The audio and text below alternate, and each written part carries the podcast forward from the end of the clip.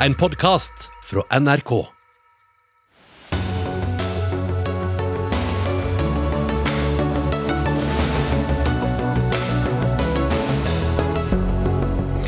Grønt lys for Joe Biden til å starte forberedelsene til presidentjobben. Bøllen er på vei ut av Det hvite hus. Det er snart klart for nerdenes hevn, mener kommentator. Kulturministeren endret statsbudsjettet før helgen og skuffet kulturarbeidere som mistet støtte. Nå må han rydde opp, krever Arbeiderpartiet. Lillehammer-skolene stenger tidligere for å redde julefeiringen. Flere kommuner vurderer det samme. Det skaper debatt. Og Frankrike vil gjøre det ulovlig å ta bilder av politi dersom målet er å skade integriteten deres. Presse- og menneskerettsorganisasjoner de klager.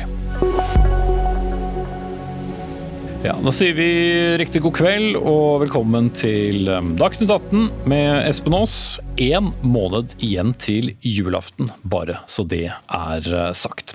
Og Vi starter med um, USA. Der har guvernøren i delstaten Pennsylvania for kort tid siden utropt Joe Biden til uh, valgvinner. Og Allerede før det ja, så har det føderale forvaltningsorganet GSA gitt uh, Joe Biden og administrasjonen grønt lys til å starte overgangsprosessen. Sittende president Donald Trump sier han godkjenner at prosessen begynner, men har fortsatt ikke erkjent nederlag. Og korrespondent Anders Magnus, i den grad det går an å gjøre det med noen ord, hvordan vil du beskrive den politiske situasjonen i eh, USA nå som i alle fall eh, signalet for å starte prosessen har begynt? Det er mye roligere her, og det er nok alle veldig glad for. For nå er det jo ferieuke. Det er jo thanksgiving om to dager, og mange har reist hjem. Politikerne har forlatt eh, Capitol Hill og har lyst til å konsentrere seg om familie og litt hyggeligere ting. Og eh, Situasjonen her er jo nå den at eh, Biden om en times tid kommer til å utnevne en rekke av sine nye regjeringsmedlemmer. Og dette er veldig erfarne folk. Det er folk som har jobbet med saker før. De har hatt kanskje litt mer underordnede stillinger tidligere, de fleste av dem, i Obamas regjering. Og så får vi jo en finansminister, Janet Yellen, som Janet Yellen, som har vært sentralbanksjef. Hun blir nå den første kvinnelige finansminister i USA siden sentralbanken åpnet i 1789. Og hun er 74 år gammel, så det kommer nok til å glede Carl I. Hagen veldig mye. At man kan fortsatt bruke så gamle folk. Men dette er en De han kommer til å ut, nominere i dag, dette er veldig erfarne folk som vet hva de gjør. Og det er nok mange som er veldig glad for at man skal, kan se en sånn type regjeringsmedlemmer som ikke er veldig uerfarne og ikke har drevet med politikk tidligere, som det ofte var i Trumps regjering. Mm. Ja, vi forholder oss til ordene, ord som erfarne og ikke, ikke, gamle, kanskje, for å være på den sikre siden. Men altså, nå utnevnes alle disse eh, personene som skal da etter hvert innta mektige posisjoner. Men hva skjer likevel videre i denne perioden. Ja, det er uh, gitt uh, grønt lys. Han utnevner uh, ministre, men hva så? Ja, altså, Det er jo fortsatt Trump som er president i USA, det skal vi ikke glemme. Han er det fram til 20.1, og han har fulle, full autoritet fram til da. Og det er jo mange som er engstelige for at han skal gjøre en god del ting fram til han må ut av Det hvite hus som kan skade eh, både Bidens planlagte politikk, men også eh, forholdet mellom USA og andre land. At han f.eks. skal gå til angrep i eh, Midtøsten. Han har jo undersøkt mulighetene for å angripe Iran. Så det er en del engstelse rundt omkring, også når det gjelder indrepolitiske ting, som miljøsaker f.eks. Der kan han komme med presidentdekreter som kan endre eller utvide den politikken han har hatt til nå, om å begrense tiltak som er bra for klimaet osv. Eh, Trump har jo ennå ikke sagt at han innrømmer nederlaget. Tvert imot så har han nylig tvitret at han absolutt ikke innrømmer noe nederlag, og at han bebuder eh, det kommer en, et nytt stort søksmål som skal eh, endre hele situasjonen, og at han fortsatt da skal være president etter 20.1. Kristina Pletten, kommentator i Aftenposten med oss eh, i studio. Bøllen er på vei ut av Det hvite hus, og det er klart for nerdenes hevn, skriver du i egen eh, avis eh, i dag. Hvis vi kan gjøre det kort, hva har vært først og fremst det mest bøllete nå da fra Donald Trump? Altså, Donald Trump har jo oppført seg som en eh, bølle i eh, fire år. Eh, og lenger enn det også i valgkampen. Han har jo brukt sin maktposisjon som president til å både bølle med sine egne partifeller og motstandere og media. Så det er helt klart at hans Det har vært hans strategi, da nærmest. Å være en bølle. Og en veldig effektiv eh, strategi som sådan. Mm. Men det at nerdene flytter inn, høres jo ikke eh, nødvendigvis ut som eh, det kommer handlekraft og, og mye endring i politikken med det første? Vel, vi er jo i nerdenes tidsalder på mange måter. Dette var en obskur referanse til en film fra 1984 som kanskje mange ikke kjenner. Men det Biden gjør nå, er jo å hente inn et ryddemannskap sånn som det ser ut for meg. da. Eh, det kan jo tyde på at de tenker at det er mye som skal bygges opp igjen. At det er, særlig i Utenriksdepartementet, tror jeg, mange ledige stillinger og mye eh, mye strukturer som til dels har smuldret bort i løpet av disse fire årene. Mye kompetanse som er flyttet ut av de forskjellige departementene, og som de nå må bygge opp igjen. Og så har jo du relasjoner til Europa og disse eh, store verdensomspennende organisasjonene. Så det, jeg tror rett og slett at eh, det Biden ser ut til å gjøre nå, er å, å få på plass et ryddemannskap som har dyp kompetanse og kan få skuta på rett kjøl igjen. Mm -hmm. ja, la oss gå litt inn i det mannskapet. Sara Saba, politisk rådgiver i Gambit og prosjektleder for Washington-seminaret. Vi hørte jo noen av navnene som Anders Magnus eh, nevnte her. Hvis vi skal eh, se på sammensetning ut fra hva vi vet, hva slags kabinett er det vi har? Eh, for det aller første så er det jo et eh, svært mangfoldig kabinett. Eh, det er kanskje en av de mest mangfoldige administrasjonene vi har sett. Og det tror jeg er et signal om at han ønsker å appellere til en mangfoldig velgerbase. Til de som stemte han frem. Eh, som i stor grad var eh, minoriteter, kvinner, særlig afroamerikanske kvinner. Eh, så det er en Det er en del. Og så er det et utenrikspolitisk signal på veldig mange måter, som handler om omdømme internasjonalt. At man, som Kristina sier her, prøver å få skuta på rett kjøl igjen. Og så har han også valgt ut eh, noen kvinner eh, til roller som ikke, hvor kvinner ikke har fungert tidligere. Og det er jo et signal til, til alle kvinner som har stemt på han, om at nå vil han ha det med seg. Kvinner har jo stilt til valg i både mellomvalget og i valget 2020 har flere kvinner enn noen gang stilt. Så det er noe sånn verdikommunikasjon han driver med her. Mm. Men Pletten, som vi vet så er det jo et eh, det er jo ganske vid politisk eh, bredde i, i eh, Bidens parti. Kan det også bli et, et kabinett med ganske store uenigheter, i og med det er såpass sammensatt?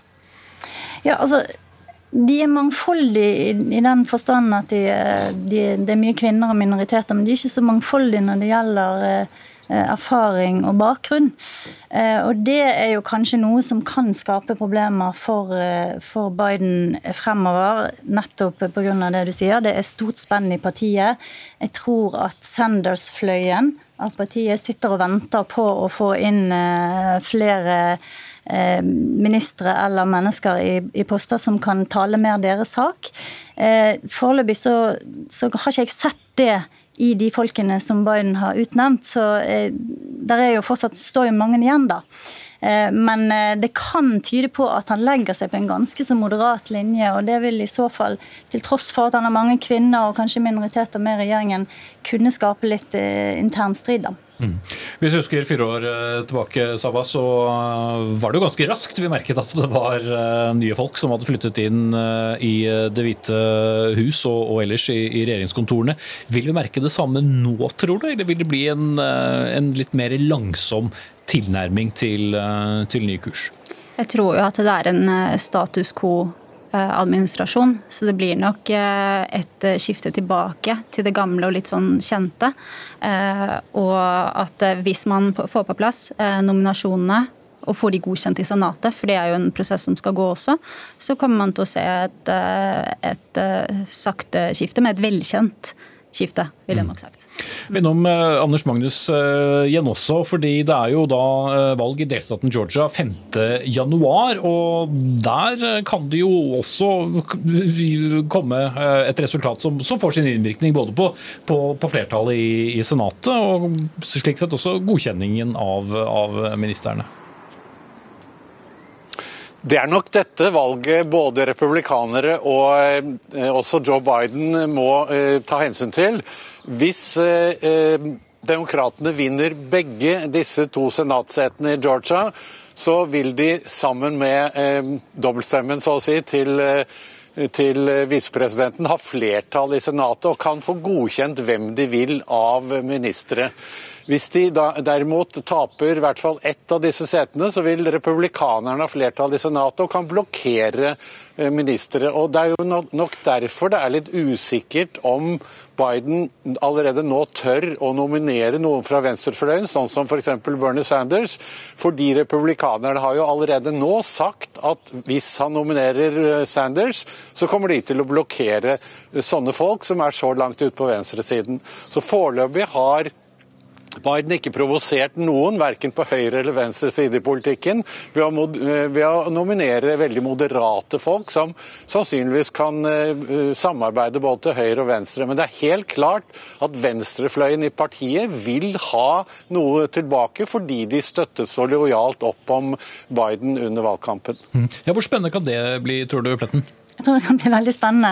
Eh, den Venstrefløyen var jo veldig skuffet eh, når Obama kom inn og begynte å hente inn egentlig eh, folk fra veldig sterk, med veldig sterk sentrumstilknytning. Og både Sanders og AOC og andre i, i den, den fløyen av partiet har jo understreket at denne gangen vil de ikke finne seg i å bli avspist og bli ignorert på samme måte som før. Så jeg tror at, eh, Og det ser vi jo allerede, at de er ute på Twitter og de er ute og, og markerer tydelig at uh, de må se resultater, ellers vil det bli bråk. Mm. Men én ting er utnevnelser, noe helt annet er uh, politikken. Og så veldig radikal er vel heller ikke Biden? Nei, han er jo eh, en eh, sentrumspolitiker. Eh, det har han vært lenge. Han beveget seg kanskje mer til venstre under Obama. Og man har sett at han i valgkampen har måttet, og særlig kanskje etter at han fikk nominasjonen, har måttet gjøre noen konsesjoner til, til venstresiden. Mm. Mange nye navn å gjøre seg kjent med, og flere skal det bli. Takk skal dere ha alle tre. Kristina Pletten, kommentator i Aftenposten, Sara Saba, politisk rådgiver i Gambit, og med oss fra Washington, Anders Magnus.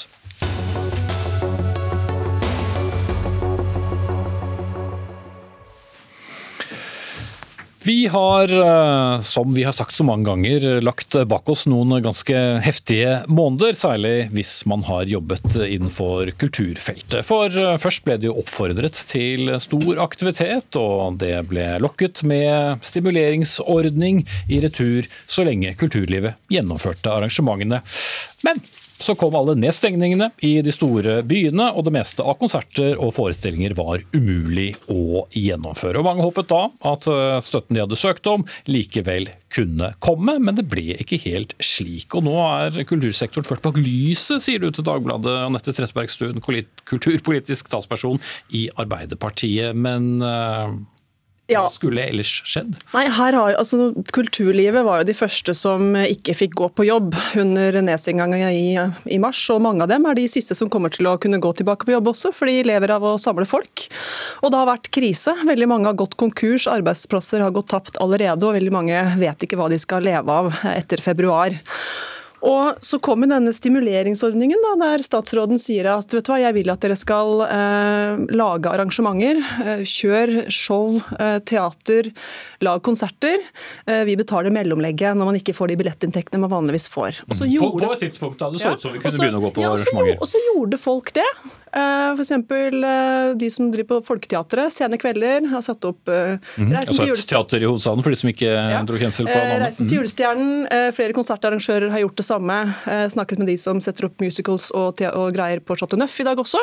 Eh, og har brukt millioner av kroner og holdt eh, titalls eh, masse folk i jobb for å gjøre dette her. Og så kommer jo den lokale nedstengingen i Oslo. Um, og Det har vi jo alle sammen gått og liksom litt venta på at det kunne være mulig.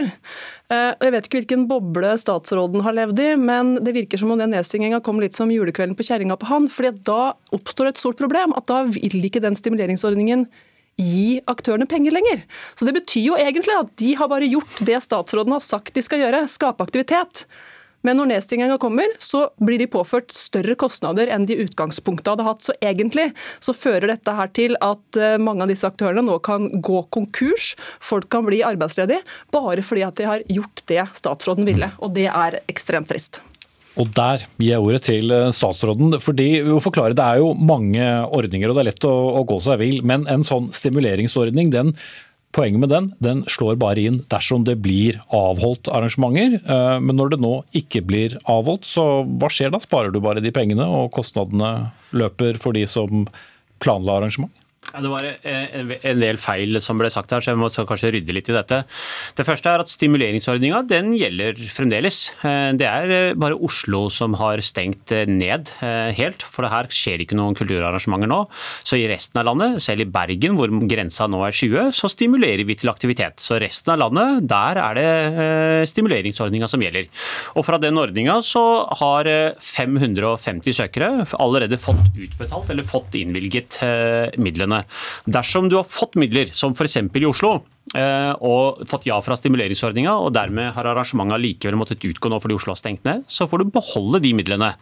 Og Det vi da gjorde da, var at eh, i tillegg til det, eh, for det er jo noen som da ikke har fått ja på stimuleringssøknaden sin, eller heller ikke nei på det, så har vi flytta datoen for at du kan søke kompensasjonsordning helt frem til 5. november. Det vil si hvis du har planlagt arrangementet før 5. november, så kan du søke kompensasjonsordning. Så vi har da to ordninger. Den ene heter stimulering til aktivitet, og den andre, andre heter kompensasjon for at arrangementet ikke ble noe av.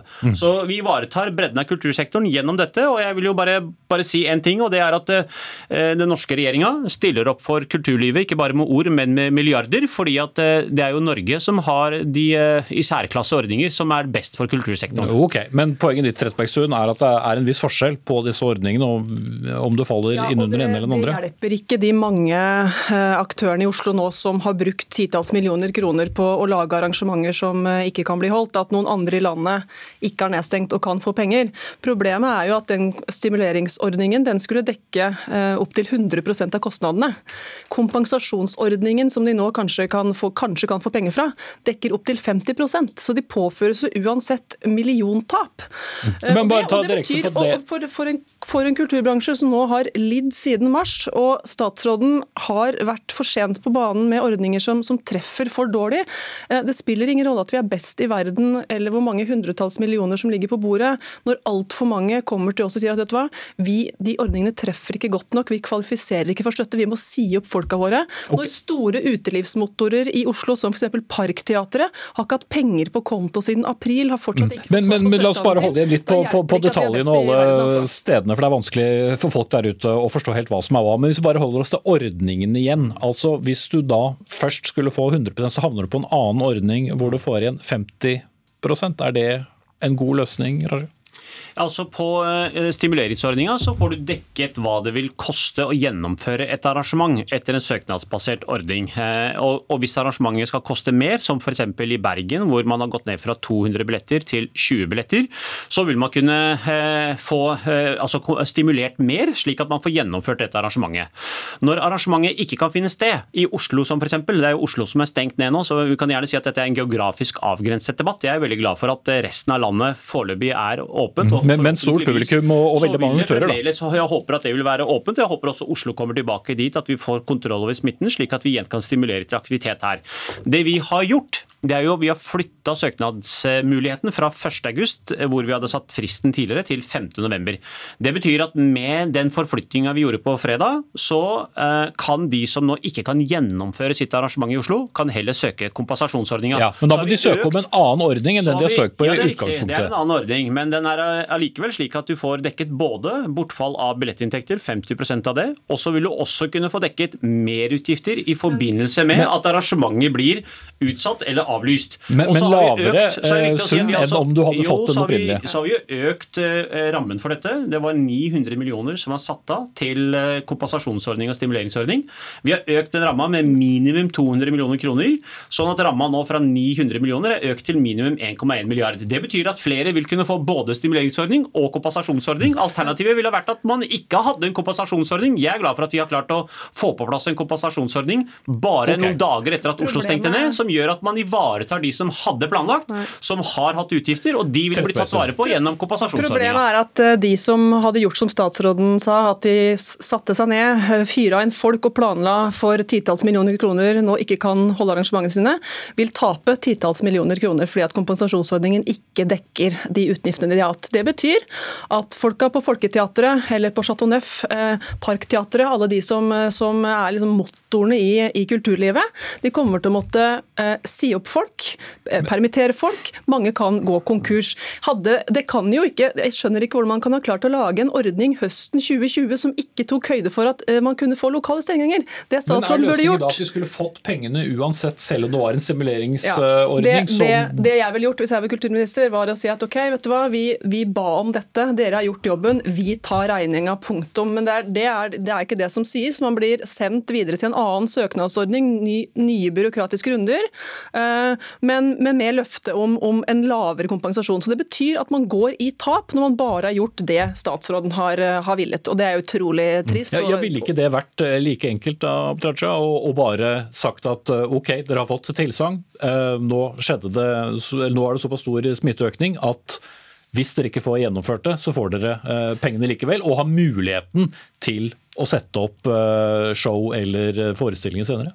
For det første så sier jo eh, Trettebergstuen at vi ikke tenkte på dette her i høst. Men vi har jo allerede laget da, altså både en stimuleringsordning og en kompensasjonsordning. Nettopp for å sørge for at hvis arrangementene ikke blir noe av, så at vi kan kompensere dette.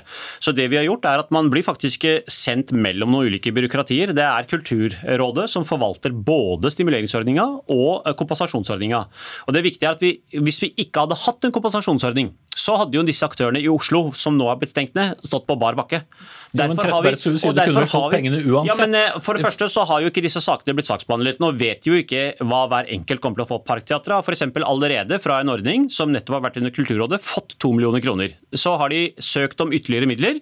De sakene blir jo nå saksbehandlet av Kulturrådet. Jeg kan jo ikke foregripe hvordan de sakene kommer til å se ut, så nå må vi først se hva de faktisk får utbetalt av dette. Men det de kan få utbetalt, som det står i forskriften, det er både 50% av Ja, det altså billettinntektene, men også, men også, ja, men det er også en- en- viktig, det er ikke bare billettene, det er også merutgifter forbundet med at arrangementet blir avlyst. Ja, så hvis du du, også da har, hvis du har da merutgifter i forbindelse med dette, så, så, eh, så vil du kunne få kompensert dette gjennom en søknadsbasert ordning. Så jeg mener jo at da har vi tatt vare på både de som skal gjennomføre arrangementer, og de som ikke får gjennomføre Ja, og nå har vi arrangementer. fått nevnt det mange ganger. Ja, kulturministeren har jo sendt meg et svar eh, på et spørsmål jeg sendte han i dag, faktisk, der han eh, svarer svart på hvitt at jo, hadde du fått penger fra stimuleringsordningen, så hadde du fått dekka 100% av de utgiftene du har hatt til å lage show og aktivitet.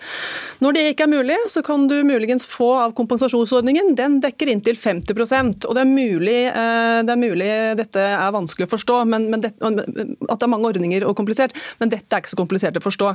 Her har man lagd opplegg og lagd aktivitet og blitt forespeila få dekka 100 nå får man dekka inntil 50% Og For en kulturbransje i krise, eh, som allerede er skjært, ned til benet, så er, betyr dette tap av ar- arbeidsplasser. Men det er vel betyr ikke gitt at konkurser. ikke de kan f.eks. sette opp den samme forestillingen på nyåret, og så har de jo da uansett uh, fått en midlertidig uh, kompensasjon for at arrangementet ikke skjedde. Og Nei, Det vet man jo ikke ennå. ikke sant? Og poenget er jo at man har Det vet man jo Nei. faktisk, for Vi har jo allerede varsla Stortinget at vi kommer til å sette av eh, 2,5 milliard kroner ytterligere for å håndtere koronasituasjonen. Million, hvorav 1,1 milliard kommer til å gå med til bl.a.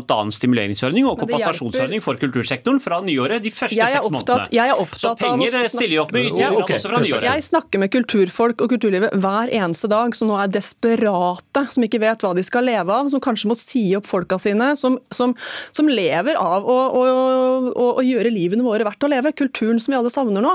Og det spiller ingen rolle om du har eh, 48 ordninger, eller hvor mange hundretalls millioner du har, Abid Raja, så lenge det ikke treffer de som trenger det. Ja, men det gjør jo det, har vært, programleder. Men har vært- nei, det har vært gjennom- det har vært da var det gjennom- Nå snakker jeg. Det har vært gjennom, det har vært gjennomgående helt siden mars at du har kommet med ordninger for sent, som har truffet for dårlig, og veldig veldig mange i den norske og, og sist, Hvordan vet du at dette treffer når det ikke engang er ferdig behandlet? Altså, her sies det veldig mange ting som er feil. Altså, 90% av de som hadde søkt kompensasjonsordning, de har allerede fått svar på sine søknader. 90% av Kulturrådet det allerede ferdig saksbehandlet 50%. Av de 1512 søknadene.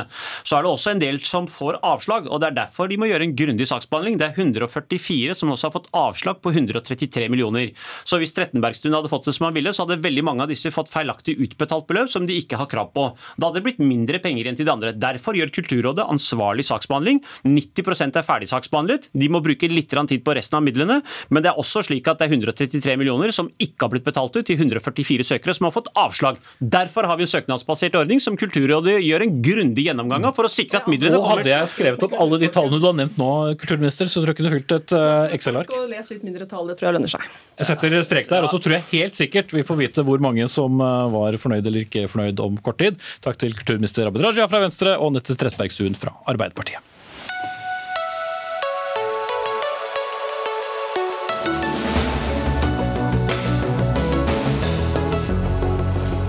Senere i sendingen skal vi til eh, Kristelig Folkeparti og spørsmål om atomvåpen. Partiet kan nemlig komme til å snu i spørsmålet om å melde Norge inn i FNs traktat om å forby atomvåpen.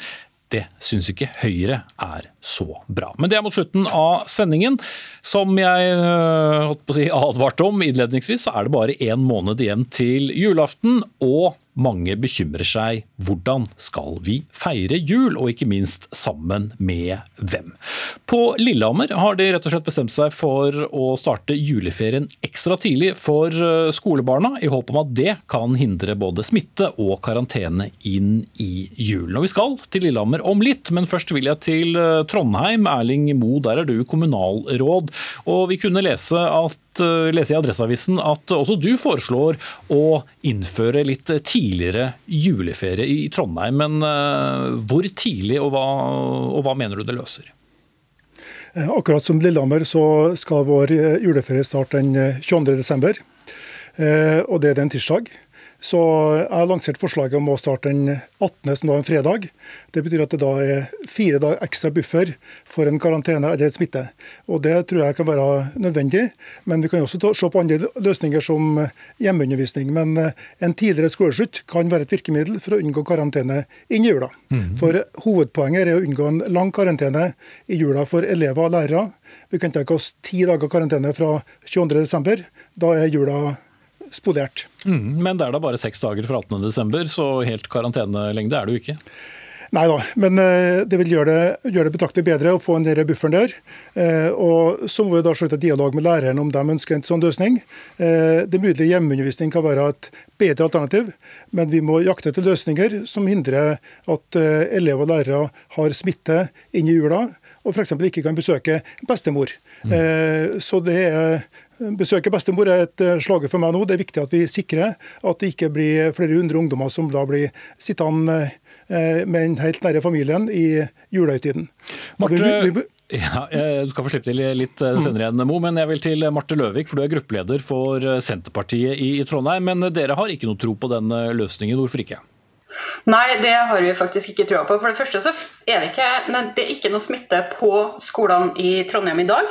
Det er fire klasser som er i karantene i påvente av eh, eh, testsvar, men det er ikke registrert noe smitte på skolen. Og der det faktisk er smitte, det er i, i, på fritida. Det er der man da får eh, den lille smitten som er i Trondheim. Men det er ikke et høyt eh, smittetrykk i Trondheim.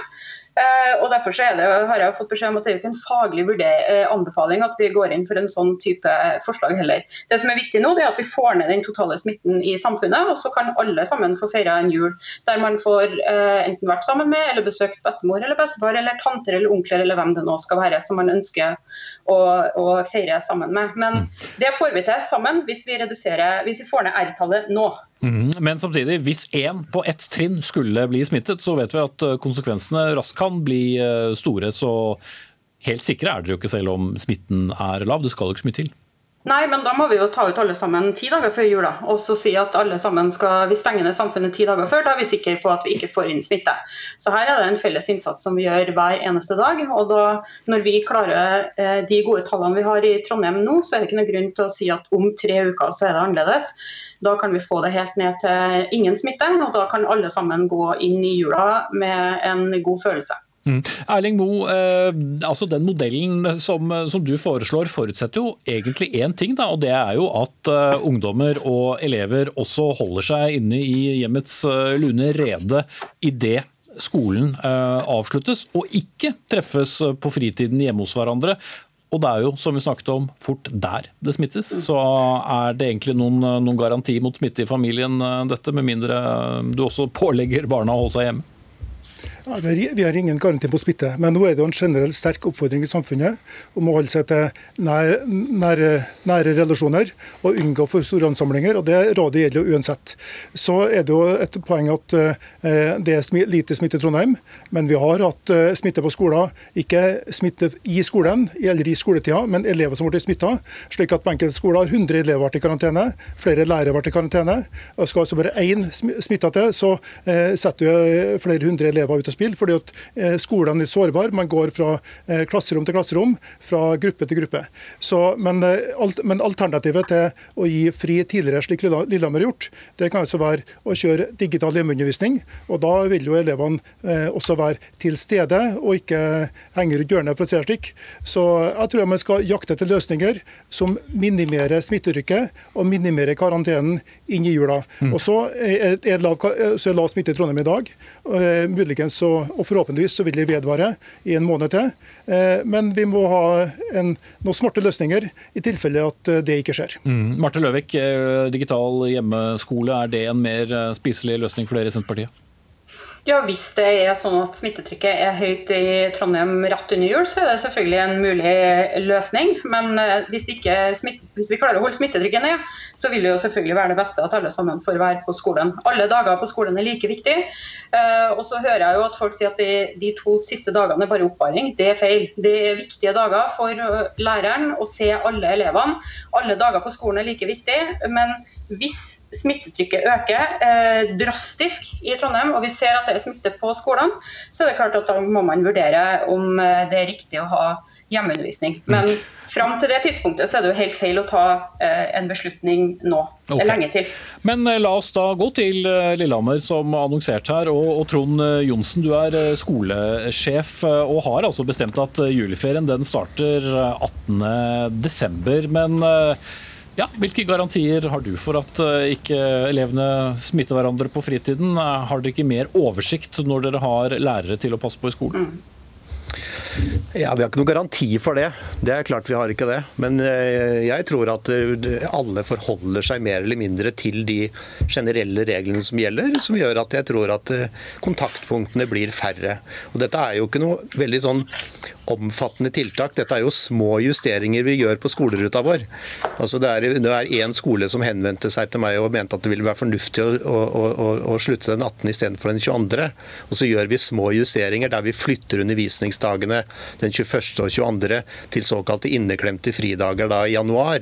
Så for vår del så tar vi igjen det den 4. januar og og 29. januar. Da. Og så er det jo en annen forutsetning her, og det er jo at eh, at vi, de strålende folka våre som da jobber eh, i SFO, har et tilbud til de som trenger det den 21. og 22. januar. Mm. Og Da får man jo en buffer inn mot, inn mot eh, julefeiringa. Og det, den beslutninga må man jo ta på et eller annet tidspunkt, sånn at man kan planlegge de justeringene. Og Dette er en justering av skoleruta som jeg anser som forholdsvis lite dramatisk, egentlig, men som gjør at man da får de fire dagene før man går i jul, som gjør at flere kan være trygge når det, jeg tror man sannsynlig sannsynliggjør det. da. Ja.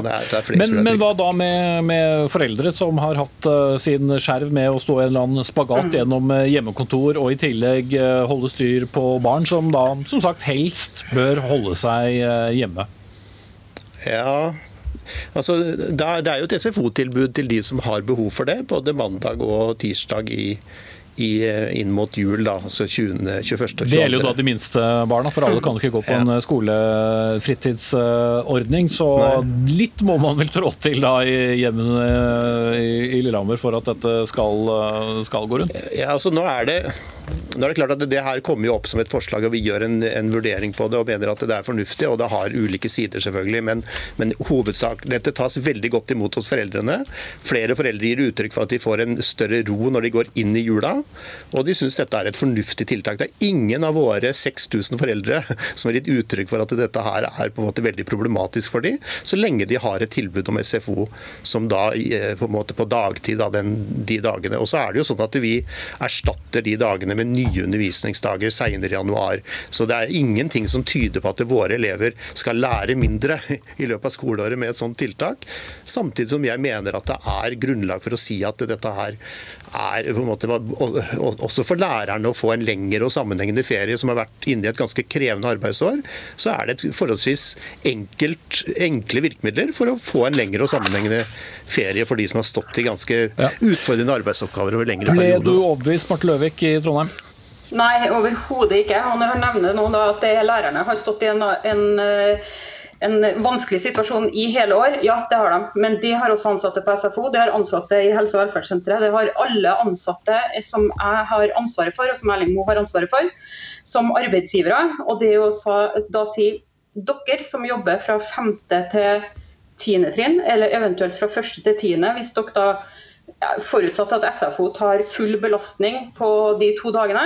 Dere kan få fri, alle andre må jobbe normalt. Det er helt uholdbar måte å håndtere sine ansatte på. Her har alle stått på i de ni-ti månedene, og alle fortjener eh, selvfølgelig lengre juleferie, men vi kan ikke drive og forskjellsbehandle én yrkesgruppe. Og det vet jeg også at lærere syns er svært beklagelig at vi trukker inn i denne diskusjonen. De vil stå sammen eh, som ansatte i skolen. Og da å gi noen ekstra ferie, det blir helt feil. Mm. Inntil videre får vi dra krakken bortåt eh, pleksiglasset og, og, vente. Takk skal dere ha. Erling Moe, kommunalråd i Trondheim, Marte Løvik, gruppeleder for Senterpartiet i Trondheim, og Trond Johnsen, som er skolesjef på Lillehammer. Og mens vi har hørt denne diskusjonen, så har uh, assisterende helsedirektør Espen Rostrup Nakstad sittet her i studio og hørt på. Um, har du en uh, fasit? Hvem har rett? Nei, og jeg tenker Vi skal ikke kommentere for mye utdanningssektoren og hvordan man innretter skoledagene i enkeltkommuner og hvordan man tenker rundt det. Men eh, jeg forstår jo at eh, man er bekymret for å være i karantene i jula. Og jeg tenker det er flere ting vi alle sammen kan gjøre for å unngå det. Mm. Og det viktigste nå det er... For, for, smittevern kan du jo si noe om, og hvorvidt eh, det ja. overholdes best når man er på skolen eller hjemme? eller når ja, man treffer andre. Vi, vi er jo bekymret for smitte i særlig ungdomsalder nå i Norge, og vi vet jo ikke helt hvor ungdommene smittes hen. Og og, men det, det, som er viktig nå, det er selvsagt at vi, at vi alle sammen nå bidrar til å bringe denne smitten ned inn mot jula. For da blir alt dette veldig mye enklere. Og så er det som du sier, det er fire, eller en måned da, nøyaktig i dag til jul. Så det er litt tidlig å si hvordan det blir eh, nøyaktig. Men man kan minimere risikoen for å havne i karantene inn mot jula ved å i hvert fall tenke litt over hva man gjør når det nærmer seg jul. Og da tenker jeg på at eh, hvis man planlegger å møte noen venner eller gjøre det, ha aktiviteter hvor man er i kontakt med mange andre som man ikke bor sammen med, så er det kanskje lurt å ikke gjøre det uka før jul, men å utsette det. Eh, det kan være lurt å minimere den risikoen, fordi når det blir jul, så skal jo mange antagelig reise hjem. Og da er det å ikke ha utsatt seg for risiko den uka før du faktisk reiser hjem, til eventuelt eldre foreldre og besteforeldre, det kan være veldig lurt for alle å tenke på. Mm.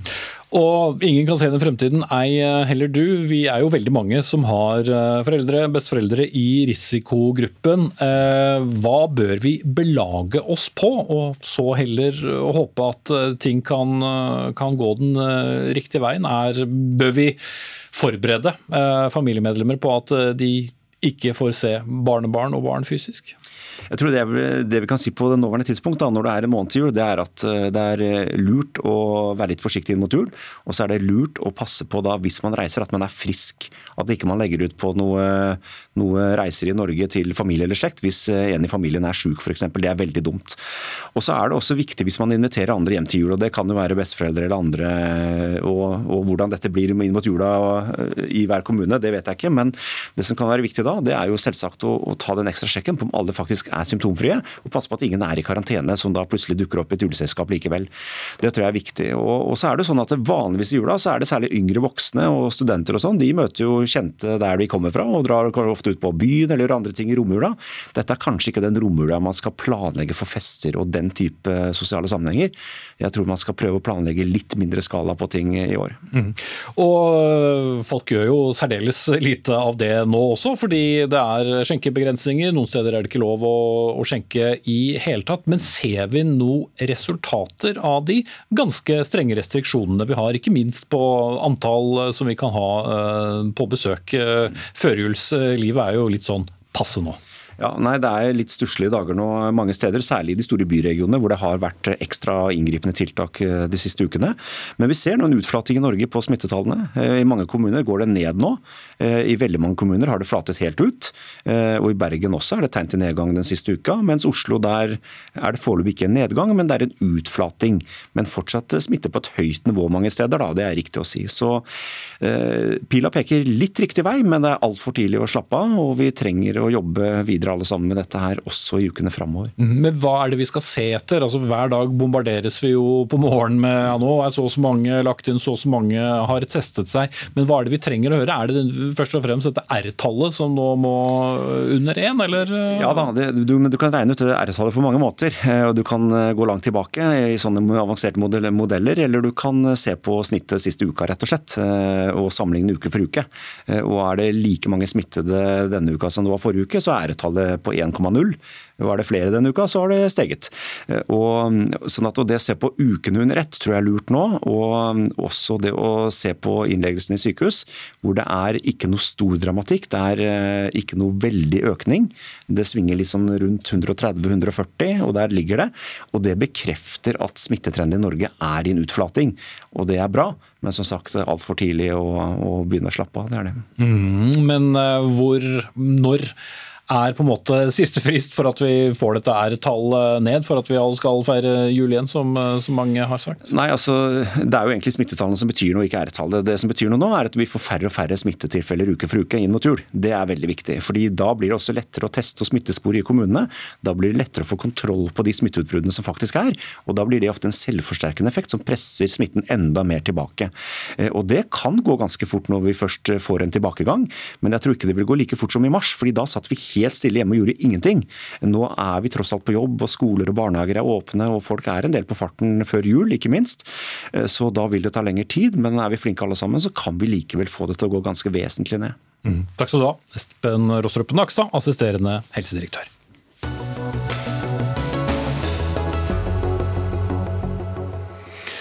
Vi skal eh, utenriks, og vi skal til Paris og Frankrike. For eh, bilder av et tidvis svært hardhendt fransk politi som tømte en midlertidig leir med flyktninger og demonstranter i byen i tidlig i morges, vekker nå oppsikt. Dere som følger Dagsnytt 18 på fjernsyn kan se noen av bildene nå.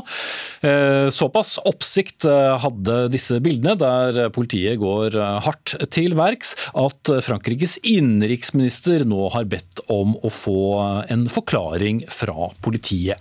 Men samtidig som denne voldsbruken fra politiet i dag diskuteres, ja, så diskuterer også politikerne et nytt lovforslag som vil gjøre det ulovlig å publisere bilder av politifolk på jobb, enten de nå takler migranter, asylsøkere eller demonstranter dersom personen som tar bilder av politiet, har som intensjon å skade politiets psykiske og fysiske integritet, som det heter. Vi må eh, få litt hjelp til å forstå dette. Ingrid Bergo, du er eh, journalist i Paris, jobber på nettstedet The Local og, dekker denne historien. Hva er det egentlig som ligger i dette lovforslaget? Ja, det er jo komplisert, som du sier. Og uh, bare sånn at det er sagt, så ble den nettopp nå godtatt i, vedtatt i parlamentet med stort flertall. Så det betyr at den loven er nå vedtatt og skal da sendes til Senatet, som mest sannsynlig blir i januar. Og det den loven inneholder, det er eh, mange ting. Det er en stor lov som handler om flere, eh, flere områder på, om sikkerhet og politi osv. Men det er da denne paragrafen nummer 24 som har skapt så stor kontrovers. og det var da nettopp det du sa. At det kommer til å bli ulovlig å filme eller ta bilde av politi som er på jobb, hvis det er intensjon til å skade deres ø, fysiske eller mentale integritet. Og det ø, har menneskerettighetsorganisasjonen sagt, det er ganske vagt. Mm. Korrespondent uh, Simen Ekern, vår europakorrespondent her i NRK. Du har akkurat ankommet Brussel igjen etter å, å ha vært uh, i Paris. Eh, fransk politi har jo både eh, ganske mange utfordrende år bak seg, men det er også eh, mye omstridt og kontroversielt rundt hvordan de opererer. Ja, det er klart. Eh, dette er jo en veldig spesiell sak, både pga. timingen, at det, det, skjer akkurat mens man eh, vedtar denne kontroversielle loven. Og så er den eh, spesiell også fordi vi ser reaksjoner både fra borgermesteren i Paris og fra innenriksministeren, som altså reagerer på politiet etter at prefekten i Paris da tidligere i år bestemte at man skulle ha nulltoleranse for den type leire som ble, som ble, satt opp i går da, som, en, eh, som, en, eh, protest. For Macron er dette vanskelig. Han har lovet politiet støtte. fordi eh, Det er jo sant som du sier at, at fransk politi har vært mye kritisert for voldsbruk, men de har jo også vært utsatt for ganske mye eh, de siste årene. Eh, og Macron har jo både eh, de gule vester-protestene i bakhodet og terrorangrepene i bakhodet, når han da har lovet politiet en støtte. Og så tror jeg vi kan si at, at Macron nok hadde undervurdert hva slags protester som skulle komme mot denne loven. At han ikke riktig hadde sett hvordan folk mener at dette er et skritt på vei til et autoritært samfunn, som en rekke franske intellektuelle skrev i en mye lest eh, kronikk forleden. Mm. Og, og, Ingrid Bergo, du som eh, jobber da daglig for å dekke nyheter eh, i Paris. Hvordan kan denne loven da hemme ditt arbeid? For det er ikke så lett å se på forhånd hva slags plan du har når du tar et bilde eller filmer, filmer politi på jobb. Nei, det er nettopp det. Det er akkurat det. Eh, det, det vi så allerede i dag, var at eh, journalister var blant de som ble eh, behandlet voldelig av politiet.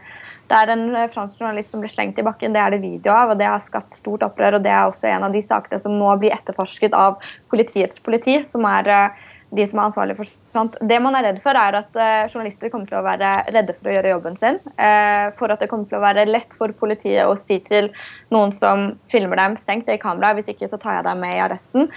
Det er ikke bare journalister som er truet av dette, her, og det er ganske viktig. Vi snakket om de gule vestene. Under de gule vestene så regner man med at det var ca. 2500 demonstranter som ble skadet.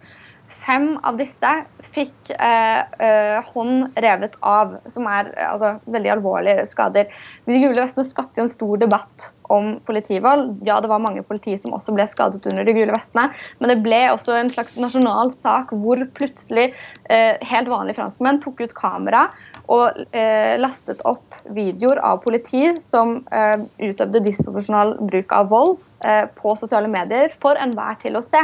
Det man er redd for, er at slike mennesker, eh, altså Jon Olav på gata, ikke kommer til å klare å gjøre dette lenger, fordi de kommer til å være redde for konsekvensene. ikke sant? Det er en streng straff også som følger med dette her. Det er opptil ett ett år i fengsel og 45 000 euro i bot hvis man da blir straffet for dette. For dette. Mm. Eh, Simen Ekkern, eh, hva da med Macron selv? Han eh, står jo i en slags spagat her. Han har hatt mye press på seg etter de ganske brutale terroranslagene som har vært der. Gjennom hele hans periode har han jo slitt med, med, med opprøret rundt de, de gule vestene. Og samtidig så skal han jo også ha en viss appell til folk. og det å si at uh, det, blir, det, blir, tøffere, politiet, eller, mer enn politistat og mindre demokrati enn før? Jeg tror det vi ser nå kommer til å bli definerende for, for, Emmanuel Macrons presidentperiode. På den ene siden er han den liberale, åpne politikeren som han lovte å være da han ble valgt. På den andre siden så er han en som skal gi svar på alvorlige sikkerhetsutfordringer og trusler. Det er ingen lett balansegang for Macron, og, og det kommer vi til å se her. I tillegg så har man jo også en annen lov som skal vedtas nå i begynnelsen av eh, desember, som også eh, handler handler om eh, at man skal ha eh, sterkere kontroll med sivilsamfunnet. Det er den mye omtalte eh, loven som, skal angripe islamistisk ekstremisme i Frankrike. og Der er det jo også mange som er bekymret for at denne loven går for langt. Man anerkjenner behovet for trygghet og sikkerhet, men mener at man kan gå for langt da i, i, i den ene retningen. Og Når disse to lovene kommer sammen, og vi får eksempler som, som det vi så eh, i går, så er det klart at dette er en konflikt eh, det ikke blir lett for Emmanuel Macron å finne eh, en vei ut av som alle franskmenn blir fornøyd med. Mm, og til slutt, Ingrid Bergo, hvordan blir da prosessen videre nå frem mot januar? Nå går loven over til Senatet. Og så har statsministeren selv sagt at når den er da blir vedtatt, hvis den blir vedtatt, så skal den også bli uh, gå foran uh, Frankrike sin konstitusjonelle uh, rettsorgan, som er på en måte det grunnlovsorganet som sjekker om det, den paragraf nummer 24 er i brudd med grunnloven i Frankrike. Spennende dager på fremover i Frankrike, ikke minst på nyåret. Takk til Ingrid Bergol, som er journalist i The i Paris, og NRKs europakorrespondent Simen Ekern.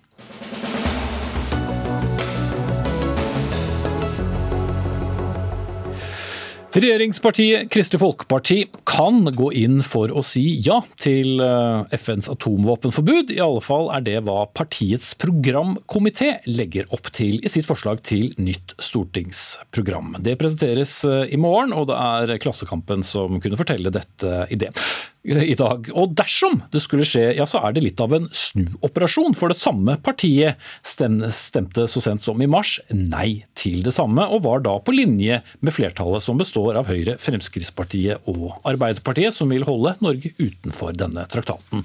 Edel Marie Haukland, vi eh, kjenner deg eh, til vanlig som leder av Kristelig Folkeparti Ungdom, men du er altså medlem av eh, programkomiteen, og dere har vært pådrivere for å få moderpartiet til å snu i denne saken. Nå har dere fått samlet programkomiteen, men hvordan skal dere få snudd resten av partiet, som som sagt jo stemte andre vei for bare noen måneder tilbake? Det skal vi selvfølgelig gjøre ved å argumentere godt. Dette har vi mange gode argumenter å komme med. Eh, blant annet så vil dette her være et veldig viktig verktøy for å få til en gjensidig og etterprøvbar nedrustning. Eh, og for å legge press på atomvåpenstatene for å forhandle om nedrustninga.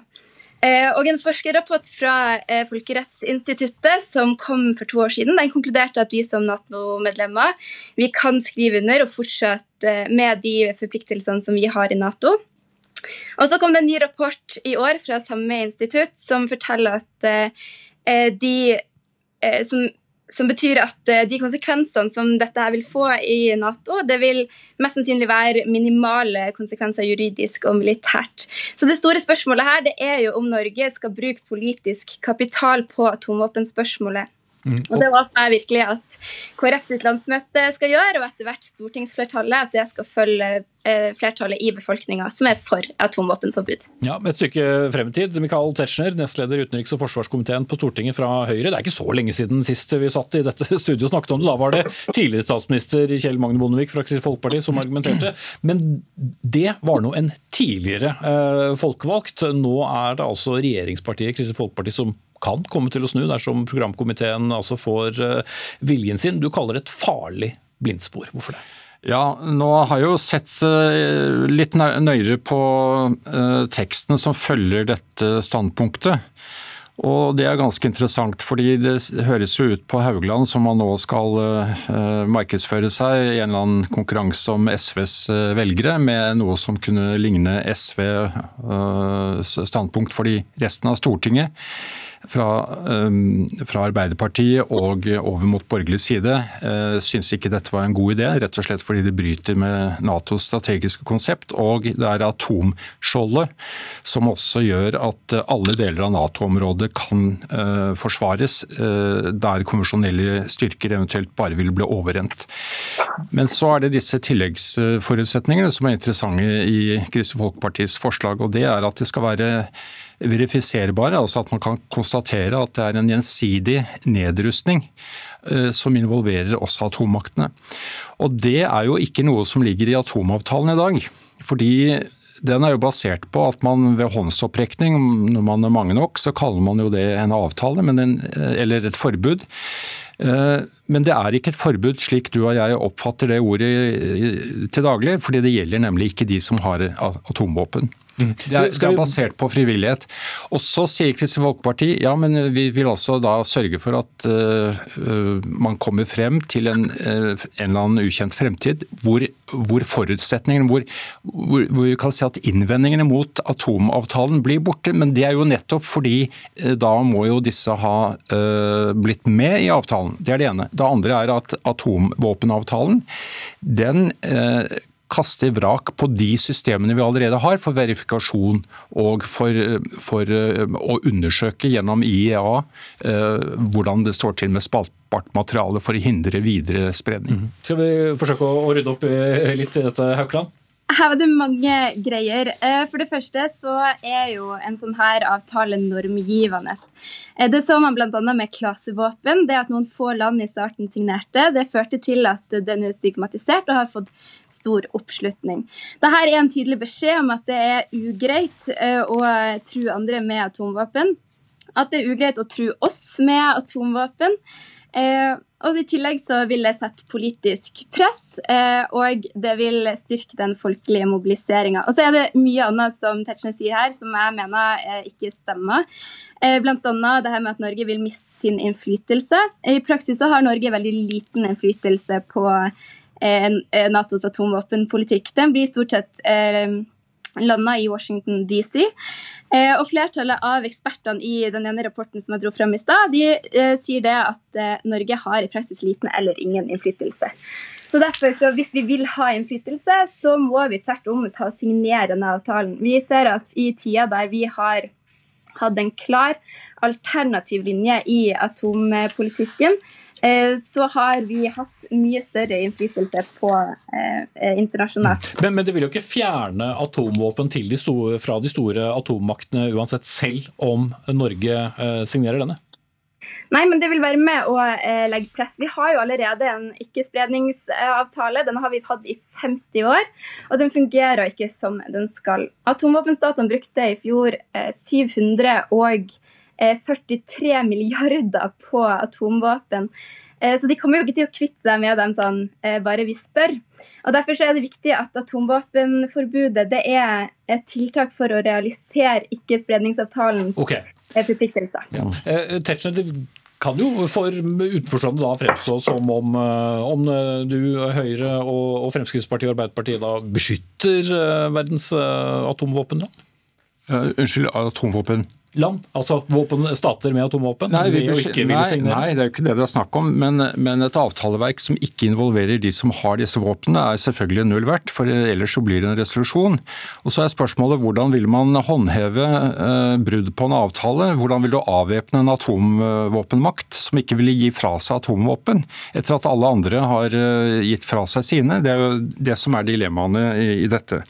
Og så er det jo et underlig, hvis man nå kombinerer de to standpunktene fra Haugland her Haugland, til og med? Ja, Haugland. Så uh, Edel Marie, til og med. Ja da. Uh, så så skal vi altså da ikke ha innflytelse i vår egen Nato-allianse. Det tror jeg ikke generalsekretær Stoltenberg er helt enig i.